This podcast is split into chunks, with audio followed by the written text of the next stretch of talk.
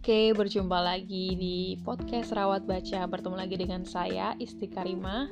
Dan pada kesempatan kali ini ada tamu buku dari Rawat Baca, yaitu ada... Perkenalkan diri kamu, siapa? Saya Lutfia. Disapa dulu dong, Halo. pendengar podcast Rawat Baca. Oh ya, halo pendengar podcast Rawat Baca. Oke, Laila Lut Lailatul Lutfiah ya. Lailatul Lutfiah ini eh, apa sih guru pendidikan matematika ya? Tapi Iya. ya selain itu dia juga sama-sama suka membaca buku. Jadi nah kebetulan ini saya sedang menginap di rumah Lailatul Lutfiah. Jadi sekalian aja lah ya kita bikin konten-konten gitu ya.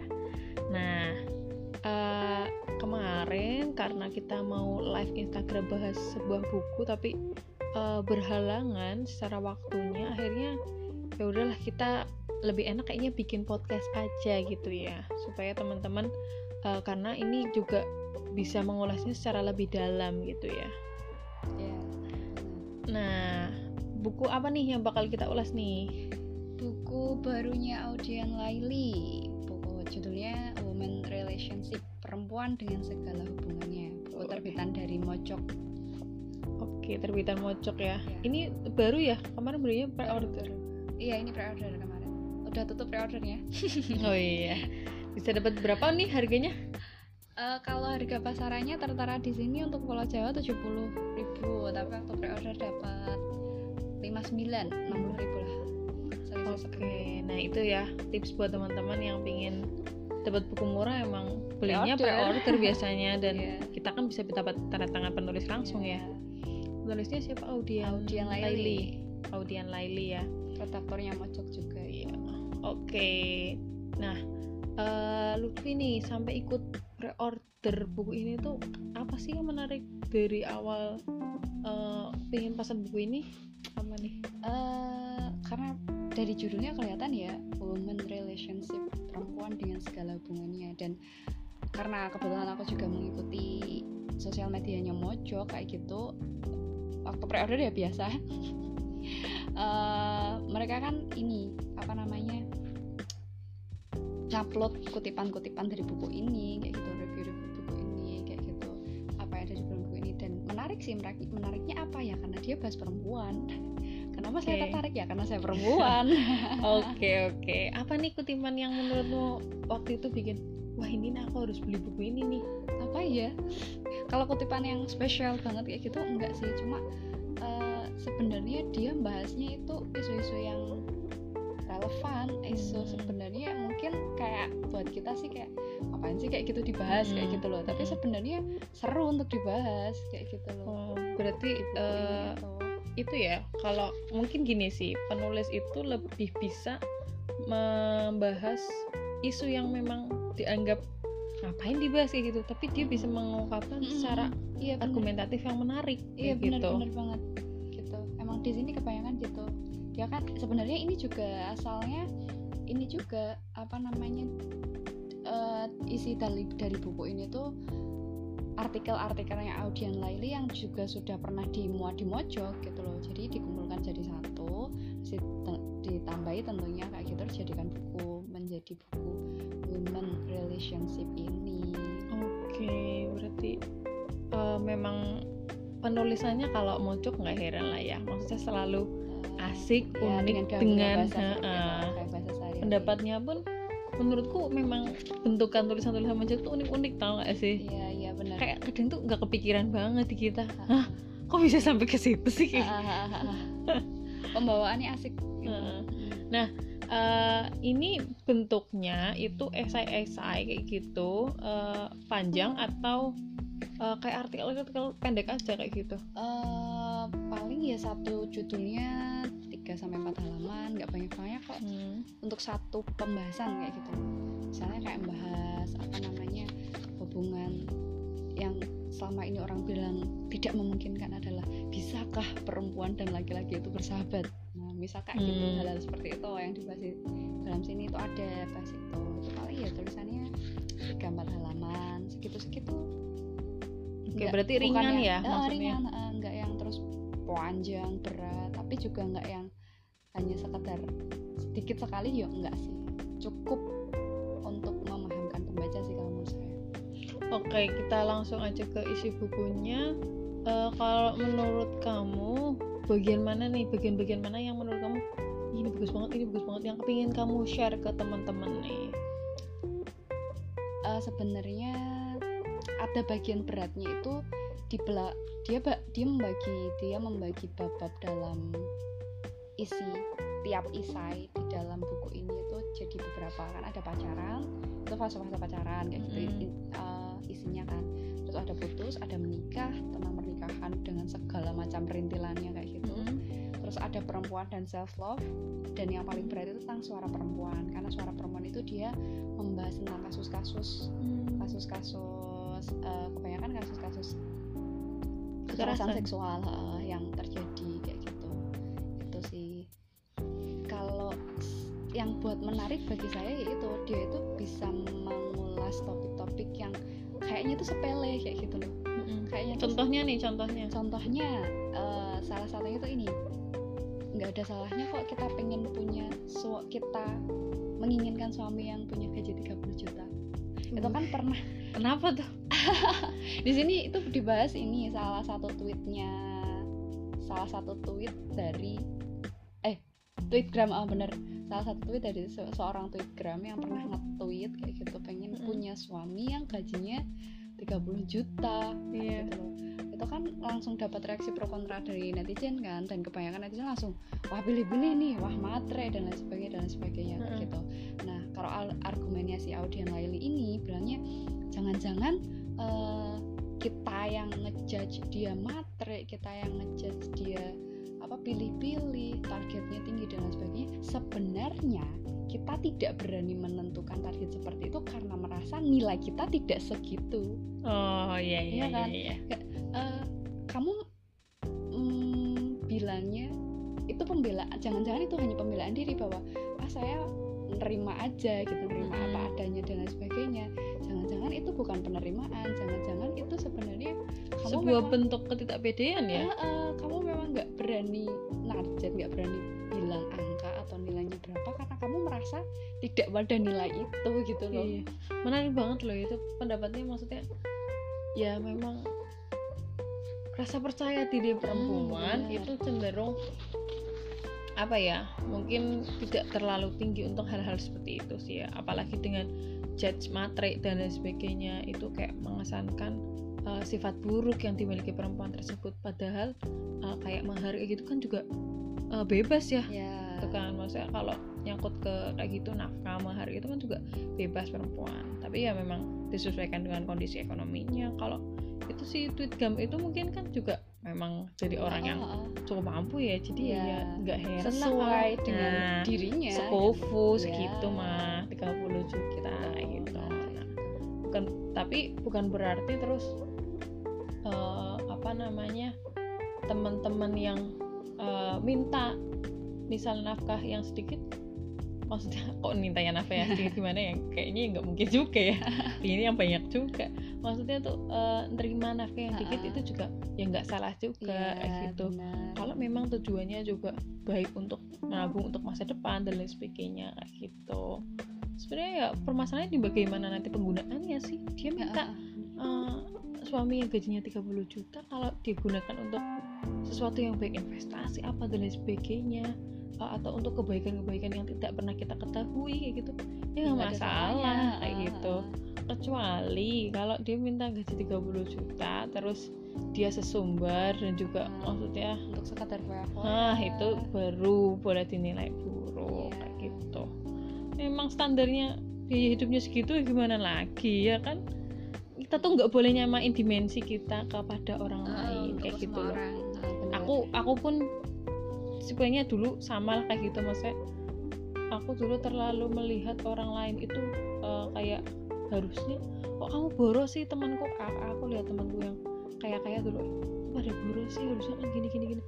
Terus aku uh, baru sadar ya bahwa dimensinya tuh beda orang kaya sama orang yang biasa aja kayak aku gitu loh. Jadi ya ya yang biasa-biasa aja harusnya memang sadar kayak gitu tentang bagaimana menggunakan keuangan kayak gitu gitu kalau yang uh, bagi mereka mau seorang orang kaya ketika mereka jajannya lumayan itu uh, lumayan mahal gitu. Ya emang standarnya segitu. Maksudnya porsinya persenannya barangkali sama kayak gitu loh. Yeah.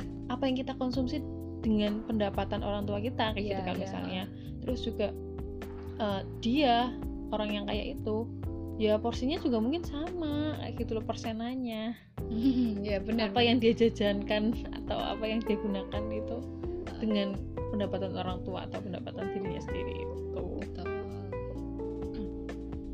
nah yang lain apa nih yang menarik lagi? Yang menarik lagi terus contohnya selain itu tuh kayak eh, sering kan kadang itu eh, kita dengar kita dengar pendapat bilang nggak mau ah sama cewek yang nggak mau diajak makan di pinggir jalan kayak gitu. Oh iya. Nah itu kan umum banget ya. Ih, sering banget. Iya. Ya itu kayak biasanya tuh kayak kesannya buat ngecek tadi materi atau Ah, enggaknya ah, lagi. ah, bener banget. Tapi di sini eh, dia jelasinnya sih dari sek- dari sisi lainnya tuh gini. Loh nggak ada salahnya juga gitu nggak nggak mau diajak makan di pinggir jalan. Bukan berarti ketika kamu apa namanya mau memperlihatkan diri kamu bahwa kamu bukan matre bukan yang harus gini atau harus gitu. Terus kamu apa namanya andai kan pilih-pilih gitu Uh, uh, maksudnya pilih-pilih itu di sini dia gini, kamu boleh kok dengan prinsip tetap tidak mau makan di pinggir jalan. Tapi siapa tahu prinsip kamu adalah kamu lebih milih makan di rumah aja, masak sendiri yang Mm-mm. jelas lebih sehat.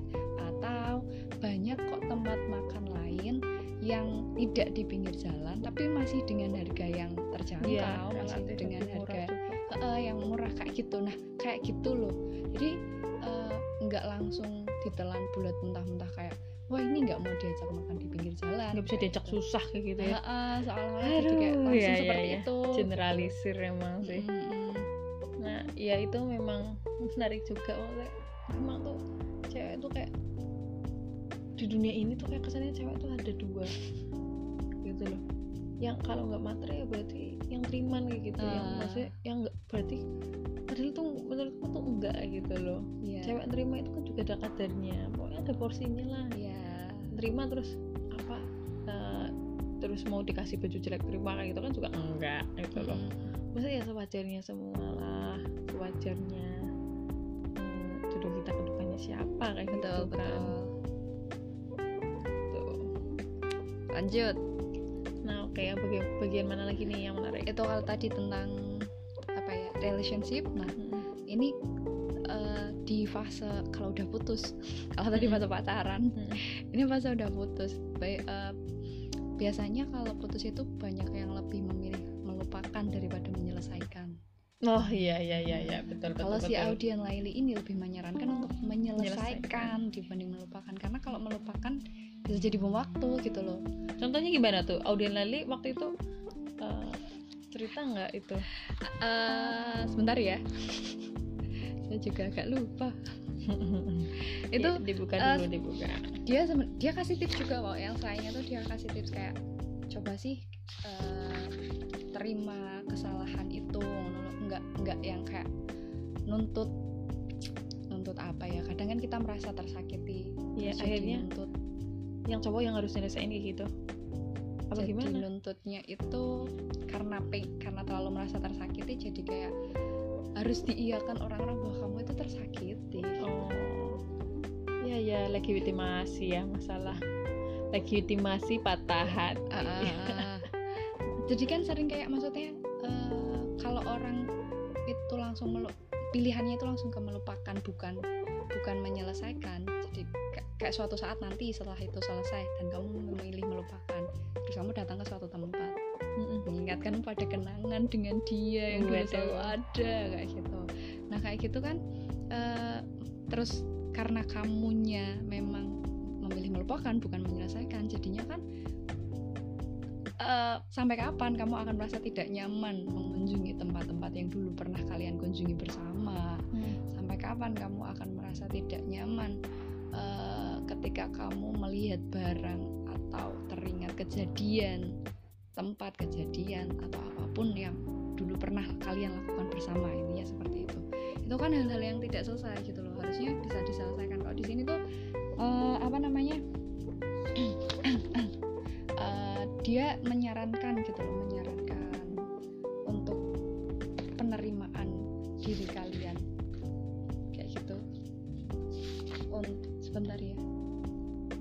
kalau yang menyelesaikannya maksudnya gimana tuh? Maksudnya apakah kita harus klarifikasi Enggak, enggak.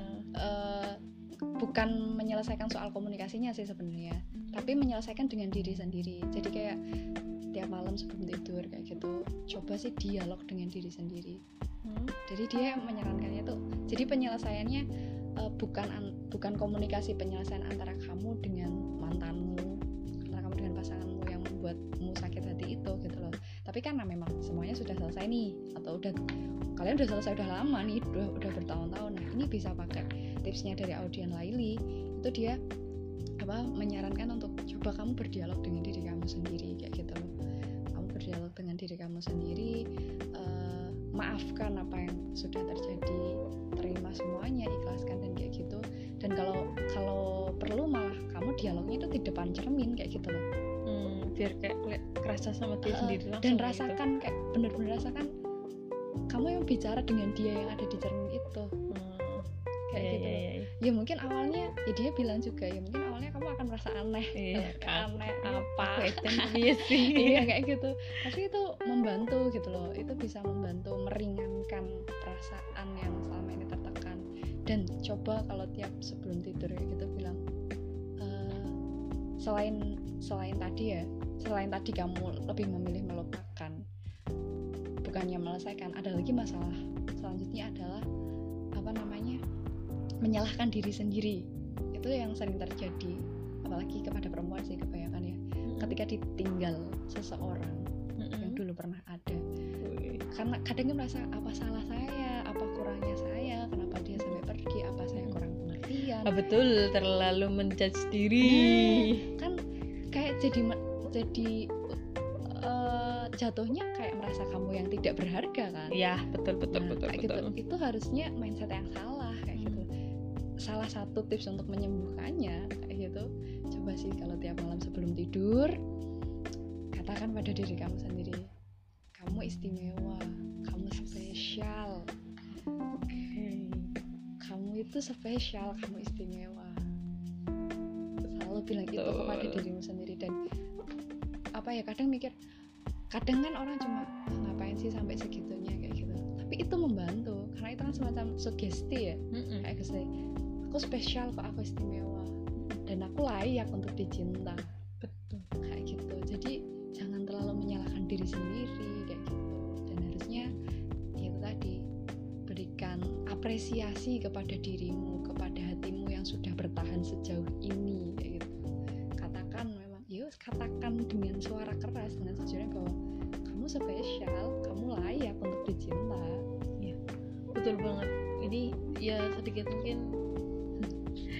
sih ya tapi kan eh, mungkin jadi nggak apa-apa. pengalaman Iya. teman-teman ya. Kayak waktu dulu aku kan sempat menjalin hubungan terus eh, putus karena nggak direstuin orang tua si laki-laki gitu kan. Dan di situ aku ngerasa eh, harga diriku turun. Maksudnya dalam arti gimana ya? Eh, aku ngerasa bersalah banget dan aku ngerasa apa aku itu ya ti- setidak pantas itu gitu loh. dia kayak gitu. untuk Ah, dia. Sampai tidak bisa menerima aku kayak gitu loh. Eh, i- di situ tuh kayak ya bener maksudnya apalagi eh, aku bener-bener eh, sedikit tertekan sih sebenarnya secara hati waktu itu di hati. Eh, tertekan karena ya kondisi kayak gitu. Aku aku selalu Jadi membayangkan diri sendiri ya? Apa ya apa ya aku yang salah ya? Maksudnya ketika aku ketemu ibunya baik-baik aja kenapa tiba-tiba uh, berselang itu direstui tidak Jadi bisa tidak diterima kayak gitu-gitu. Nah di situ aku merasa apa nilaiku uh, tidak sebaik itu atau tidak sebaik yang lain kayak gitu loh. Nah, itu di situ aku uh, benar-benar menekan diriku sendiri gitu gitu kan kesannya dan awal-awal habis itu juga aku cukup keras sama diriku sendiri untuk selalu wah meningkatkan diri meningkatkan diri terus gitu. Tapi ya walaupun baik juga sih akhirnya kan masa eh, aku jadi semakin ibaratnya ada peningkatan peningkatan terus lah secara keterampilan dan sebagainya. Iya. dan kedewasaan. Tapi habis itu juga ya alhamdulillah saya sadar bahwa itu semua nggak bener kok. Maksudnya itu hanya bisikan-bisikan kecil di hati kita yang hanya akan makin memperburuk keadaan diri kita sendiri gitu. Gitu. Nah ada bagian lain ya yang menarik lagi? Eh, bagian selanjutnya itu adalah fase pernikahan dia lumayan banyak di sini kalau eh, tentang bagian paling banyaknya malah tentang nah pernikahan cocok nih Soalnya- cocok. Karena banyak sekali perintilan-perintilan dari pernikahan itu yang bisa dibahas salah satunya ibadah terpanjang. Se- sering dengar gak sih teman-teman itu sering bilang terutama bagi teman-teman terutama bagi teman-teman saat skripsi dan Hmm, lelah. oh Pasti iya sering dengar, iya iya iya dengar. iya capek apa skripsi nggak kelar-kelar nikah aja. Ah. iya. Ah iya bener atau kalau nggak itu kalau kalau nggak gitu sebelum skripsi ya masih tugas-tugas kuliah. Aduh tugas kuliah banyak susah dosennya Ah, susah nikah nikah aja. aja. Ah apa-apa jadi kayak seolah maksudnya dia solusi. apakah nikah itu solusi, Solusi dari, dari segala permasalahan kamu kayak gitu padahal hei hei teman tidak tidak kamu Iya, akan itu. menghadapi banyak masalah Ah, lagi gitu nah itu kan mungkin apa ya mungkin di sini ya mungkin itu bercanda, bercanda ya bercanda Heeh. dengan mengatakan seperti itu tapi disadari atau tidak sebenarnya itu juga bisa menjadi sugesti yang kurang Iya. baik kayak doktrin gitu itu kayaknya Ah, malah ah, ah. jadinya malah eh, emang nggak baik gitu loh jadi kayak kalau dikit-dikit punya masalah nikah pengennya nikah gitu dikit-dikit punya masalah pengennya nikah padahal nggak ngerti aja gitu nikah kayak gimana Iya. itu yang pembukaan awal di bab nikah yang Mm-mm. dibahas sama Auden Laila itu kayak gitu, gitu. Itu- harusnya Heeh, harusnya maksudnya harusnya perempuan nggak selama itu ah kayak gitu loh heeh. itu nyambung banget sama yang yaitu sih yang disampaikan Mbak Dia Safira dalam buku membunuh hantu-hantu patriarki di Hmm, bagian gimana membangun membangun cinta setara kan? Maksudnya tuh eh, perempuan itu bukan berarti kalau sudah menikah itu terus apa namanya masalahnya selesai bukan seperti itu. Justru eh, dan nikah itu bukan jalan keluar untuk menyelesaikan masalah gitu loh. Justru ketika kita sebelum menikah itu harusnya sudah nggak punya masalah. Karena kita habis itu akan menghadapi masalah secara bersama-sama lagi gitu loh. Masalah yang Iya, berbeda iya. loh ya maksudnya. Iya benar-benar kayak gitu. Nah maksudnya juga eh, teman-teman tuh eh, jangan menempatkan nikah itu sebagai jalan keluar. Karena justru ketika kamu menikah itu harus memikirkan jalan keluar kayak gitu loh. Dan itu harus dengan sangat-sangat baik pertimbangan yang matang dan sebagainya karena itu juga tergantung dari kesiapan mental dari teman-teman ya. Kalau teman-teman mentalnya kayak gitu ketika ada masalah lari ke mas minta bantuan ke yang lain maksudnya eh, menganggap nikah ada keluar dan sebagainya justru eh, nanti ketika ada bermasalah di nikah kalian mau jalan keluar ke mana lagi? Ayo. Iya, iya, nah itu benar. harus dipikirkan. Mental kita ketika ada masalah ya diselesaikan dihadapi bukannya terus nyari jalan keluar yang instan kayak gitu apalagi jangan sampai tuh apa mau skripsi nggak kelar kelar malah milih nikah kayak gitu gitu terus akhirnya jadi nggak kelar juga iya soal nikah skripsinya. juga mm, belum tentu kelar. Malah Heeh. bisa-bisa malah nggak jadi kelar. Nah, betul. Itu isu lain yang dibahas itu ini. Dia menyoroti apa namanya kita tuh kadang sering nyinyir gitu baru lamarannya ini loh. Lamarannya tuh udah mewah kan ada kan ya sekarang. Terus banyak dinyinyirin sama netizen gitu loh. Iya. Ya mampu kok. Lah iya makanya Paling- balik lagi sebenarnya. Ya itu kan boleh mungkin berapa persen kekayaannya. Lah ya makanya sebenarnya balik lagi lah. Kalau dia mampu ya ngapain situ nyinyir gitu kan? Situ nyinyir Kecuali- situ nggak mampu. Eh, kecuali tidak sesuai kondisi ekonominya Ah. memaksakan. Itu beda kasus diangkat menjadi tulisan si si A sama si Audi yang Iya. lain itu juga. Coba kalau kalau ya kan gini ya masa iya sih anaknya pejabat nikahnya? Biasa sederhana biasa aja. Ya kan juga nyinyirin kan sama kalian-kalian netizen Oh, gitu nah, kan sama gitu. ah, bukan kalian deh netizen yang baik-baik yang lain. Kalian kan yang baik teman rawat baca ya. Oh iya. Terus juga sebenarnya kalau untuk acara lamaran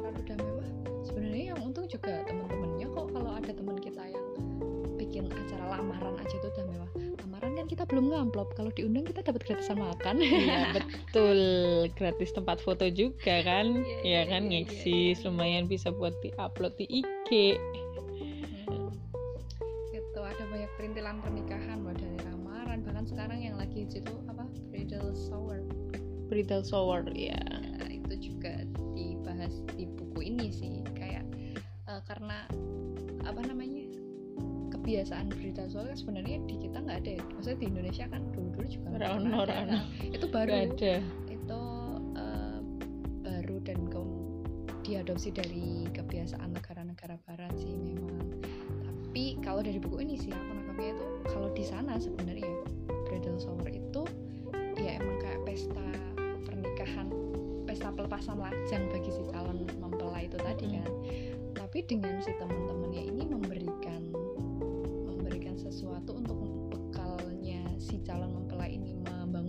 tangga jadi kayak ngasih uang ngasih perabot rumah tangga. Kalau ngasih wejangan mampunya ngasih wejangan gimana dong? Aduh. Aduh, nah, nah itu. Jadi nan- anehnya tuh ketika diadopsi di Indonesia karena kita nggak mampu seperti itu kita nggak mampu seperti mereka di negara sana yang bikin kayak gitu akhirnya eh, diadopsinya tuh jadi kayak seru-seruan yang malah jadi coret-coret muka nggak jelas. Terus harus dikerjain sana sini. Jadi kayak gitu Iya. capek kali ya kayak gitu Ah, ya. jadi Ya ya nggak nggak sesuai dengan eh, apa acara aslinya yang kita mungkin ngasih kado juga oh kamu. Oh ini berarti double dua kali di dong. belakang mungkin ngasih kado nggak tahu juga sih ya aku nggak pernah bridal shower dan kayaknya aku juga nggak mau nanti kalau nikah ya. Gituin Eh, eman eman iya iya iya. Eman eman kosmetiknya mereka lah buat main-main kayak gitu. Oke yang lain ada lagi nggak nih terkait pernikahan? Kalau pernikahan mungkin itu ya eh, budaya menikah kita kayak apa juga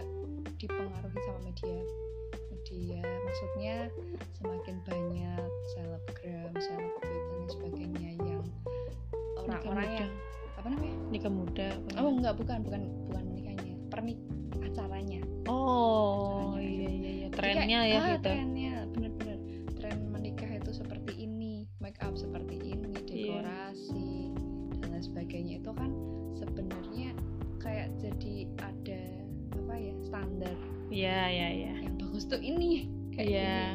kalau bagus kalau nggak ini nggak bagus nih. Hmm. ya, kayak gitu loh. Kalau nggak kayak gini nggak bagus nih atau yang ekstrim. Kayak nggak kayak gini berarti murah nih.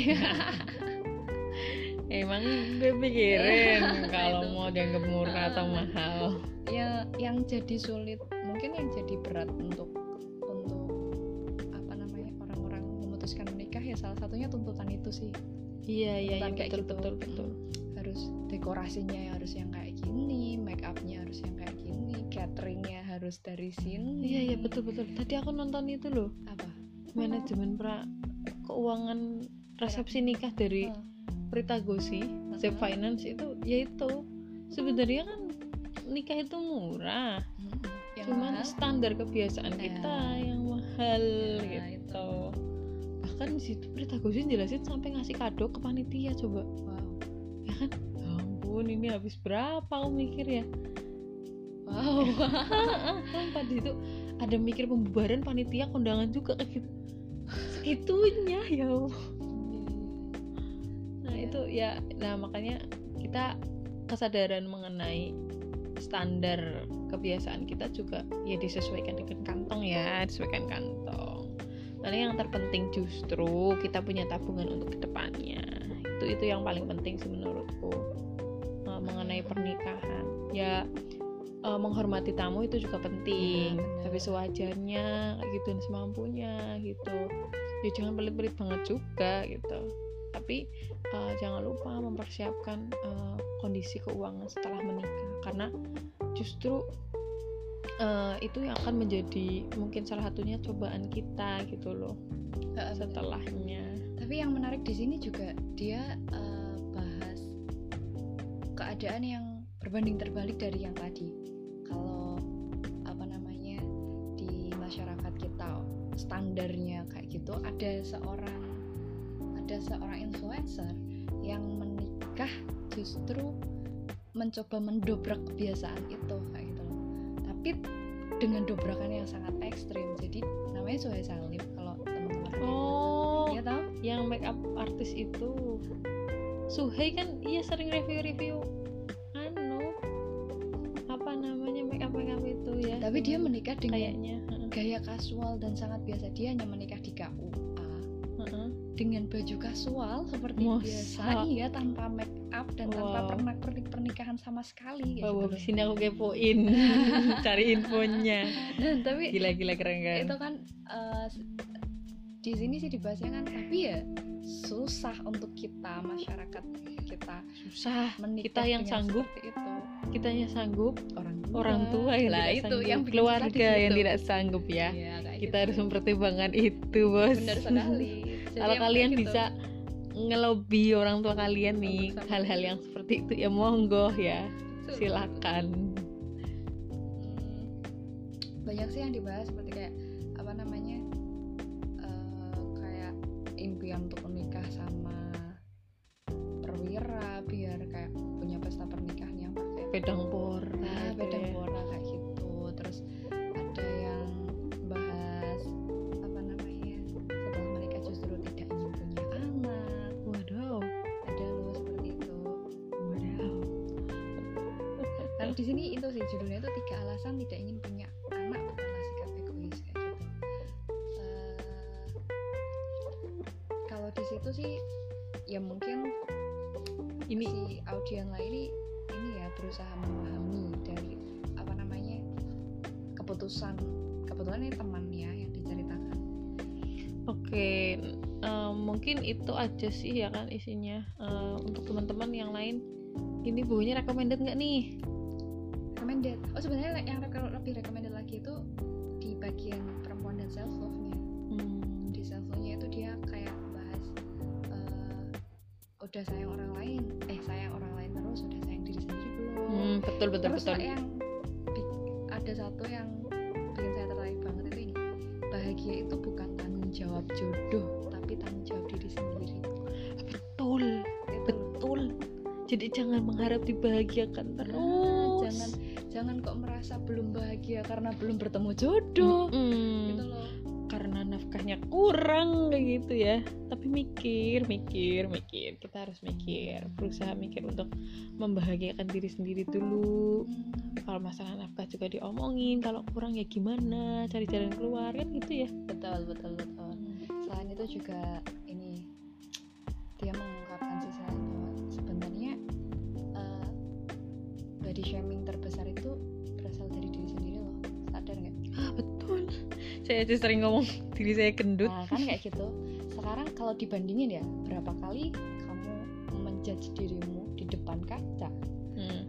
dibandingkan ketika orang ngomong kamu. Kan mungkin kamu merasa kayak hampir semua temanku ngomongin aku gendut aku jelek aku hitam aku pesek aku Hmm. apalagi jerawatan dan lain sebagainya. Tapi lebih sering mana dengan kamu yang hampir tiap jam mengaca di depan kaca dan selalu bilang kayak gitu ke diri kamu sendiri? gendut kayak gitu ya? Ih kok jerawatan sih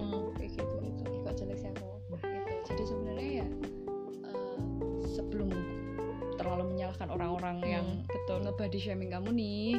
Kamu juga harusnya lebih bisa menyadari diri harusnya ini dari dalam diri ya jangan kamu sendiri ya jangan sampai bilang kayak gitu ke diri kamu kalau nggak pengen orang lain bilang begitu ke kamu. Betul betul betul. Itu sih. Nah, ada itu. masih ada banyak lagi hal-hal yang kayak ada yang kalau stres itu pengennya belanja memang bener ya bisa bikin bahagia kayak gitu dia juga membahas Oke, ya ya ya menarik banget sih ini. Kayaknya emang recommended banget ini ya. Kalau teman-teman perempuan mungkin yang belum bisa uh, memahami relationship perempuan itu seperti apa kayak gitu nah. Ini bisa dibaca loh, ini recommended banget. Dan diingat-ingat, ini kan pendapat penulisnya, jangan ditelan mentah-mentah. Jadi uh, mungkin pendapat-pendapat ini ada yang mungkin uh, kayak merasa ih ini nggak sejalan sama agama yang aku an apa ya apa yang diajarkan dalam agamaku ini kan pertimbangan uh, dari argumen mereka ya, Iya. dari sisi mereka kayak Iya, gitu betul. yang berusaha memahami orang-orang yang dalam kondisi tersebut. Sebenarnya sangat penting kok kita uh, memahami argumen-argumen Toleransi seperti ya. itu ya sebagai bentuk toleransi. Dan ketika kita mentoleransi sesuatu bukan berarti kita mengiyakannya atau setuju dengan hal tersebut. Kayak tadi bagian yang mungkin uh, bahwa tidak apa-apa tidak mau punya anak setelah menikah kayak gitu. betul. Ketika kita mentoleransi artinya ketika ada teman kita yang seperti itu kita bisa memahami. Nah, tapi kan bukan berarti kita setuju kayak gitu loh. Setuju sepenuhnya dengan hal tersebut kan enggak apa berarti Ya. dengan kita mentoleransi seperti itu eh, diri kita tidak apa namanya eh, mengiyakan bahwa oh berarti kamu nggak mau punya anak kayak gitu, Ah. gitu. enggak juga, Ya, enggak kayak juga. gitu loh cuma lebih menghargai keputusan ketika ada Orang lain. kita atau Mm-mm. orang lain yang memang memutuskan seperti itu kayak gitu Mm-mm, karena dia kan pasti punya alasan yang Mm-mm. kebetulan mungkin bisa untuk Mm. kehidupannya untuk kondisinya dia Mm-mm. belum tentu Betul, bisa betul. untuk diri kita cuma kan kita nggak perlu yang kok egois kamu kayak gitu loh Iya, ingat-ingat bahwa dimensi kita dengan orang lain itu sangat Berbeda. beda. Maksudnya jangan menyamakan kayak gitulah diri kita dengan orang lain.